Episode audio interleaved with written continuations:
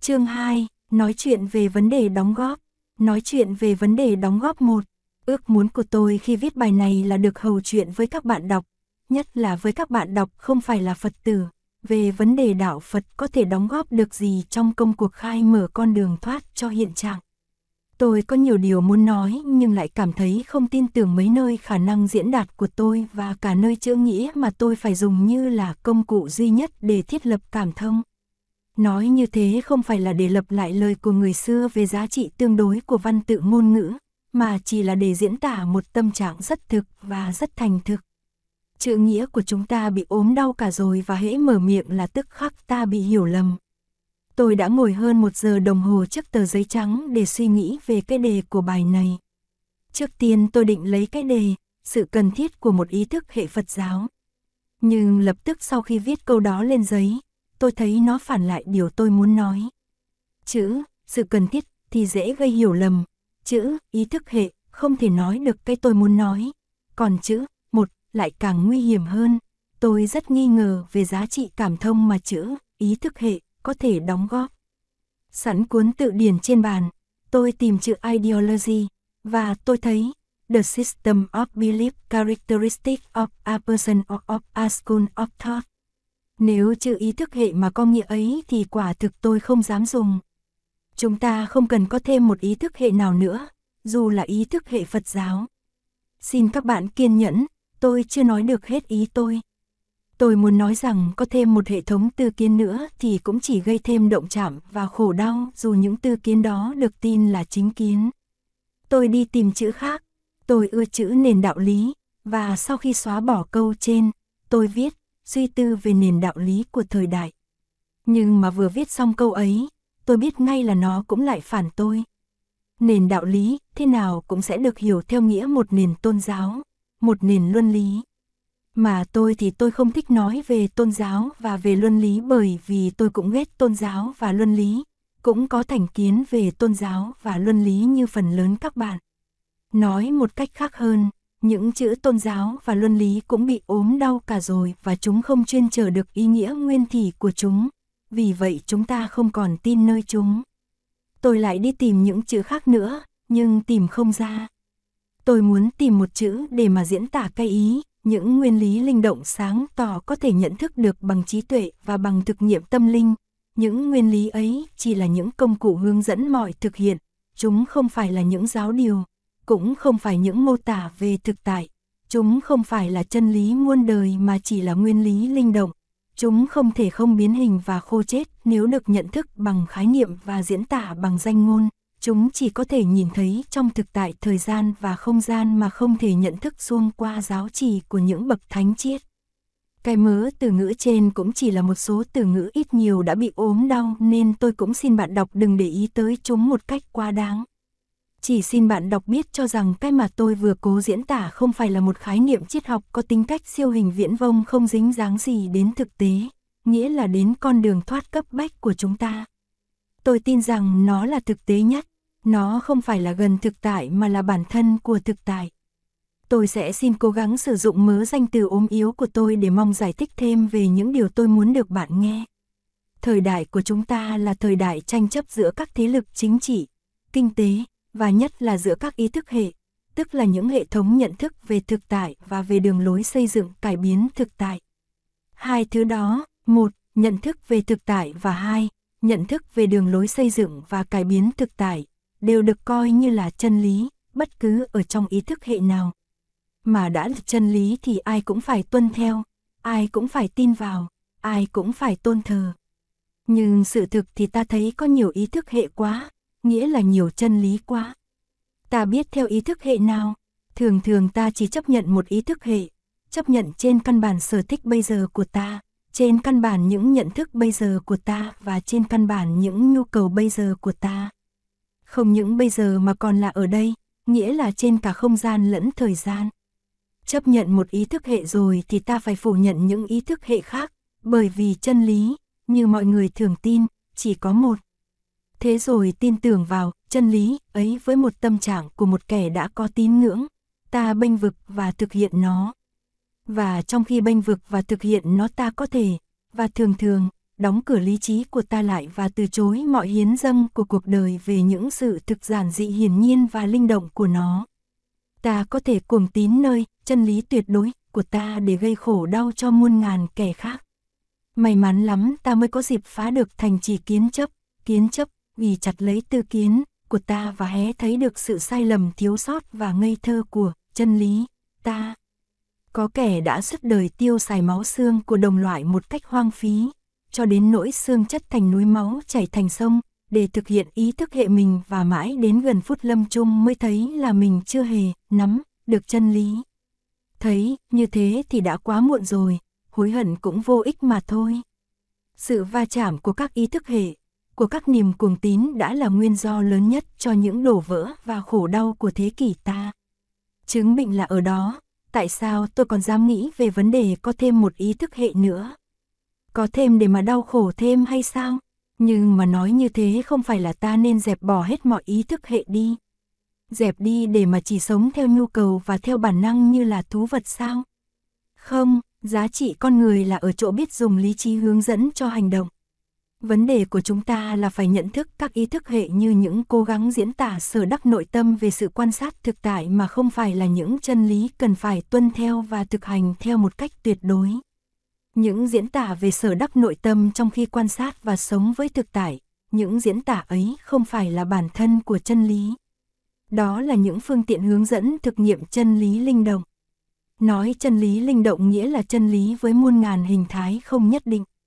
Sự sai lạc của con người, theo đạo Phật, là vì chặt lấy một vài hình thái diễn tả của tâm linh về chân lý và cho đó là bản thân của chân lý.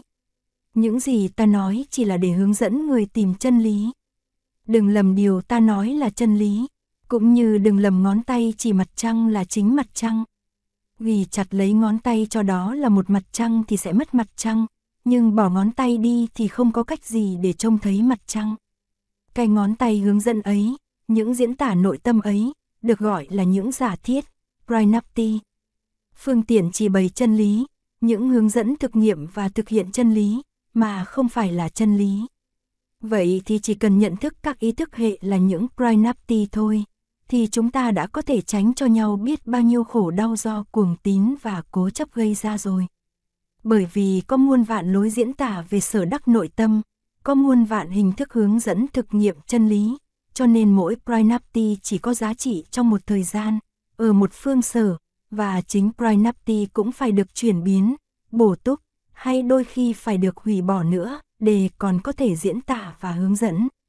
Bởi vì Prinapti chỉ là phương tiện, ví dụ cái Prinapti duy vật sử quan chẳng hạn, nếu thấy không còn đúng nữa, nghĩa là không phù hợp với nhận thức bây giờ về thực tại xã hội nữa, thì nên hoặc chữa lại, hoặc bỏ đi.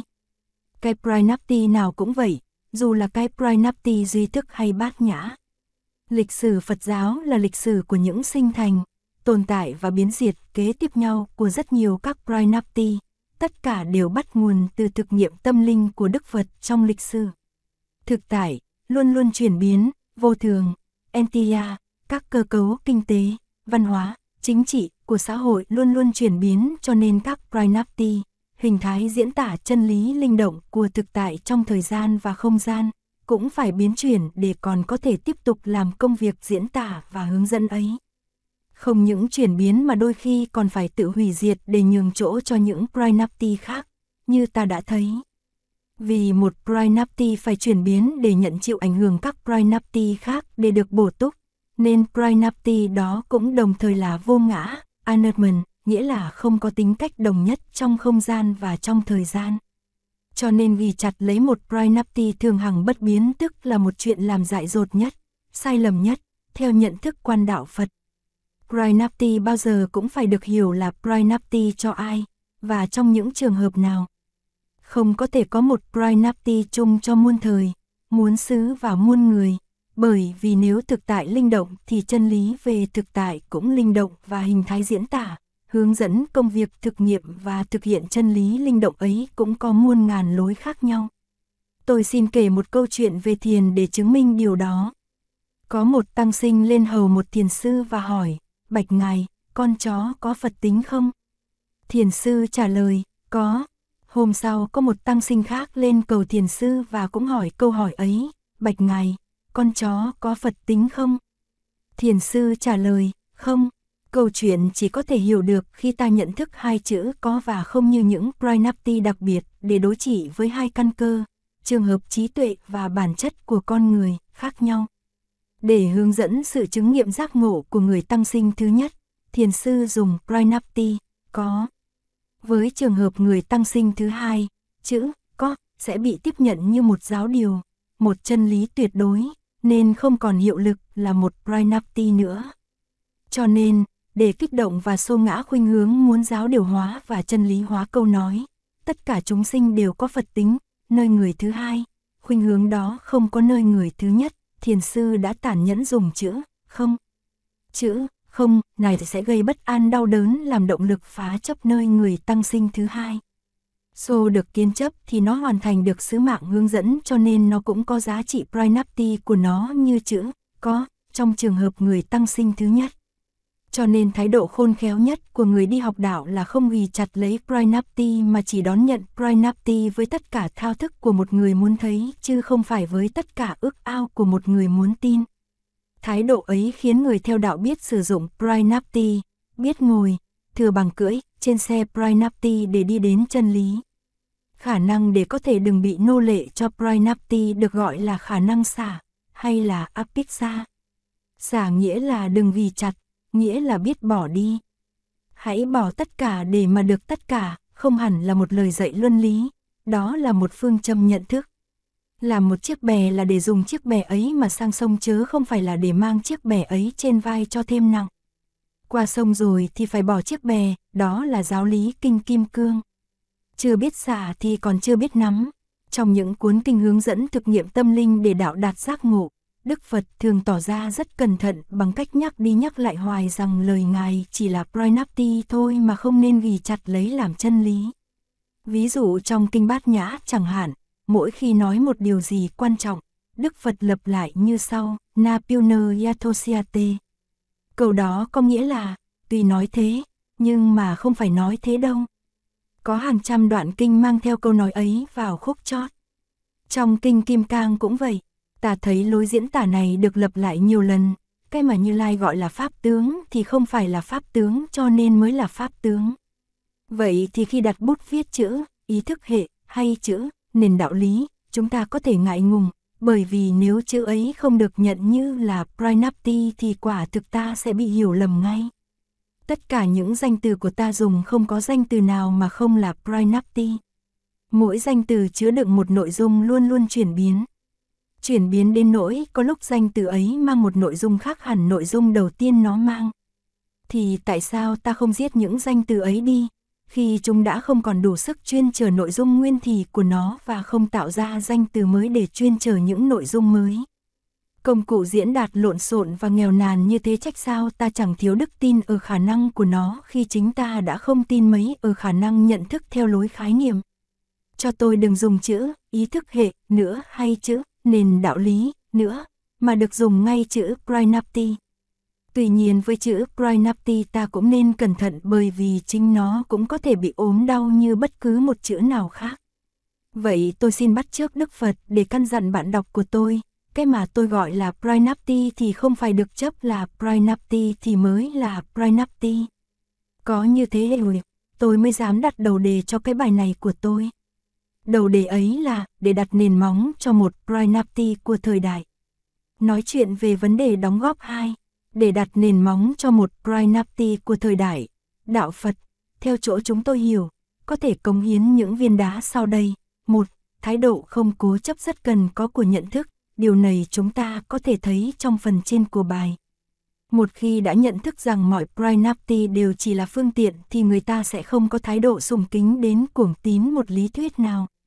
Thực hiện được thái độ vô trước, không bị dính chặt vào một giáo điều nào, không bị nô lệ cho Prinapti nào, con người có nhiều tự do và sáng suốt, luôn luôn ý thức rằng mình đang đi trên con đường tìm chân lý. Phải luôn luôn có tâm trạng thao thức của kẻ đi tìm, của người cầu tiến mà không nên có tâm trạng cầu an và tự mãn của kẻ tự cho mình đã nắm được chân lý tuyệt đối.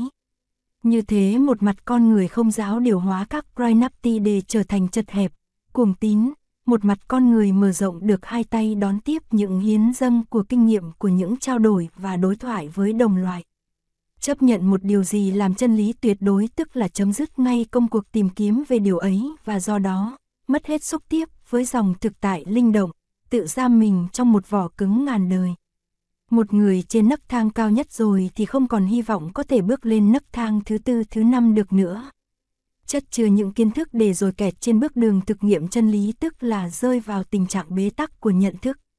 Những kiến thức ấy, những chân lý mà ta bị dính chặt vào ấy, được gọi là những chướng ngại vật của tri thức. Chướng ngại vật của tri thức ở đây chính là tri thức vậy, sở chi chướng. 2. Thái độ tôn trọng thực nghiệm, Đức Phật, trên phương diện nhận thức luận, có thái độ rất dứt khoát về những vấn đề siêu hình. Giả thiết, suy tư và luận đàm về các vấn đề siêu hình được đạo Phật xem như là những việc làm vô bổ, tốn, thì giờ. Không những thế đạo Phật còn xem những việc đó là có hại có hại ở chỗ vọng tưởng ra những điều không ai có thể chứng nghiệm được, rồi dùng những vọng tưởng ấy để chống phá nhau, chia rẽ nhau và gây khổ đau cho nhau. Phật Thích Ca không muốn môn đệ của Ngài để tri thức phiêu lưu trong thế giới vọng tưởng siêu hình. Ngài luôn luôn từ chối những câu hỏi thuộc phạm vi siêu hình. Một hôm để trả lời cho một vị đệ tử hỏi những câu hỏi như thế Ngài nói, này các vị, đừng nên thắc mắc về vấn đề vũ trụ này là hữu hạn vô hạn, hữu cùng hay vô cùng. Dù nó hữu hạn hay vô hạn, hữu cùng hay vô cùng thì chúng ta cũng vẫn phải chấp nhận sự thực này trước tiên, đó là sự hiện hữu của đau khổ trên cuộc đời. Như thế Đức Phật muốn đưa con người trở về những vấn đề thực tại của cuộc sống. Trở về như thế không phải là để chỉ khư khư đặt vấn đề cơm áo mà là để bắt đầu mọi tìm kiếm và thực hiện nơi một nền tảng xác thực và có thể kiểm soát. Tứ diệu đế, giáo lý căn bản của đạo Phật, không hẳn là một quan niệm nhân sinh. Đó là một quan niệm về nhận thức bởi vì đạo Phật là đạo nhận thức, chữ Buddha có nghĩa là người đạt được nhận thức viên mãn. Tứ diệu đế là bốn sự thực có tính cách thực nghiệm. Sự thực thứ nhất là sự hiện hữu của khổ đau, của u tối. Sự thực thứ hai là sự hiện hữu của những nguyên do gây nên khổ đau u tối này. Sự thực thứ ba là nếu có những nguyên do ấy cũng có thể tiêu diệt được. Sự thực thứ tư là vì u tối có thể tiêu diệt được cho nên phải có những phương pháp và đường lối để thực hiện sự tiêu diệt đó. Cả bốn sự thực đều là những điều cần thiết, rút ra từ kinh nghiệm trên thực tại. Bất cứ ai có khả năng suy tư đều phải công nhận bốn sự thực ấy. Một sinh viên y khoa, dù muốn dù không, cũng phải công nhận bốn sự thực ấy. Bệnh tật, nguyên do bệnh tật, sự lành bệnh và phương pháp trị liệu, đó là những sự thực y học mà cũng là những sự thực Phật học vậy. Bây giờ nếu ta cứ xây Prinapti của ta trên những thiết tưởng và huyền đàm siêu hình thì ta còn bất đồng ý kiến với nhau đến muôn đời. Đừng xây Prinapti trên huyền tưởng, cũng đừng xây Prinapti trên tín ngưỡng. Chỉ khi nào ta nắm tay nhau trở về đứng trên miếng đất thực nghiệm thì chúng ta mới thực không bị những cuồng tín bắt gốc từ thế giới siêu hình đe dọa. Thực nghiệm đây không có nghĩa là vật chất, thực nghiệm đây chỉ có nghĩa là thực tại, mà dụng cụ thực nghiệm không phải chỉ là khoa học, dụng cụ thực nghiệm là khả năng tâm linh rộng lớn và sâu sắc của chúng ta khi tiếp xúc với thực tại huyền diệu và linh đồng. Trở về miếng đất thực nghiệm, ta dễ thiết lập thông cảm, dễ phá trừ tư kiến, không tiêu phí thời gian để hí luận, biện lý vô ích, và không tiêu phí xương máu tài sản đồng loại để bảo vệ cái vỏ cứng của tư kiến. Một Brynapti mà được xây dựng trên căn bản thực nghiệm thì sẽ sát với thực tại và do đó có nhiều khả năng hướng dẫn và thực hiện hơn. 3. Thái độ nhập thế để chuyển hóa cuộc đời, chân lý bao giờ cũng là chân lý của một cái gì. Chỉ có một chân lý có liên hệ đến ta, ấy là chân lý của thực tại, của cuộc đời. Chân lý vì vậy không thể được xem như một cái gì từ trời cao đưa xuống mà phải được nhận thức qua thực tại. Mà thực tại thì phong phú vô cùng, linh hoạt vô cùng, màu nhiệm vô cùng, cho nên chân lý cũng phải vô cùng linh động. Chân lý không thể là một cái gì khô cứng, kết tạo bằng nhận thức khái niệm. Nhận thức hiện tại bằng khái niệm thì chỉ có thể thấy thực tại như những thực thể khô cứng, chỉ có thể cắt xén thực tại thành những miếng đất nhỏ khô cứng. Chân lý không hé màn cho khái niệm, mà chỉ hé màn cho thực nghiệm tâm linh sâu sắc. Khi đã xúc tiếp được với dòng thực tại linh động thì chân lý tự thân hiển hiện. Khái niệm và danh ngôn có thể, trong trường hợp này, và chỉ trong trường hợp này thôi, giúp ta sáng tạo những pranapti để hướng dẫn thể nghiệm và thực hiện. Những pranapti đó cố nhiên là phải thích ứng với điều kiện thời gian và không gian của thực tại. Trong đạo Phật có danh từ pháp môn, có nghĩa là cửa để đi vào chân lý. Có vô lượng pháp môn khác nhau, nghĩa là có nhiều pranapti khác nhau. Nhưng chỉ có thể gọi là pháp môn, hay Phật Pháp, những gì khế hợp với chân lý và với thực tại.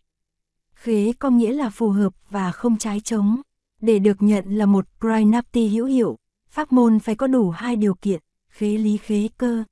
Khế lý là phù hợp và không trái chống với những nguyên lý linh động của thực tại.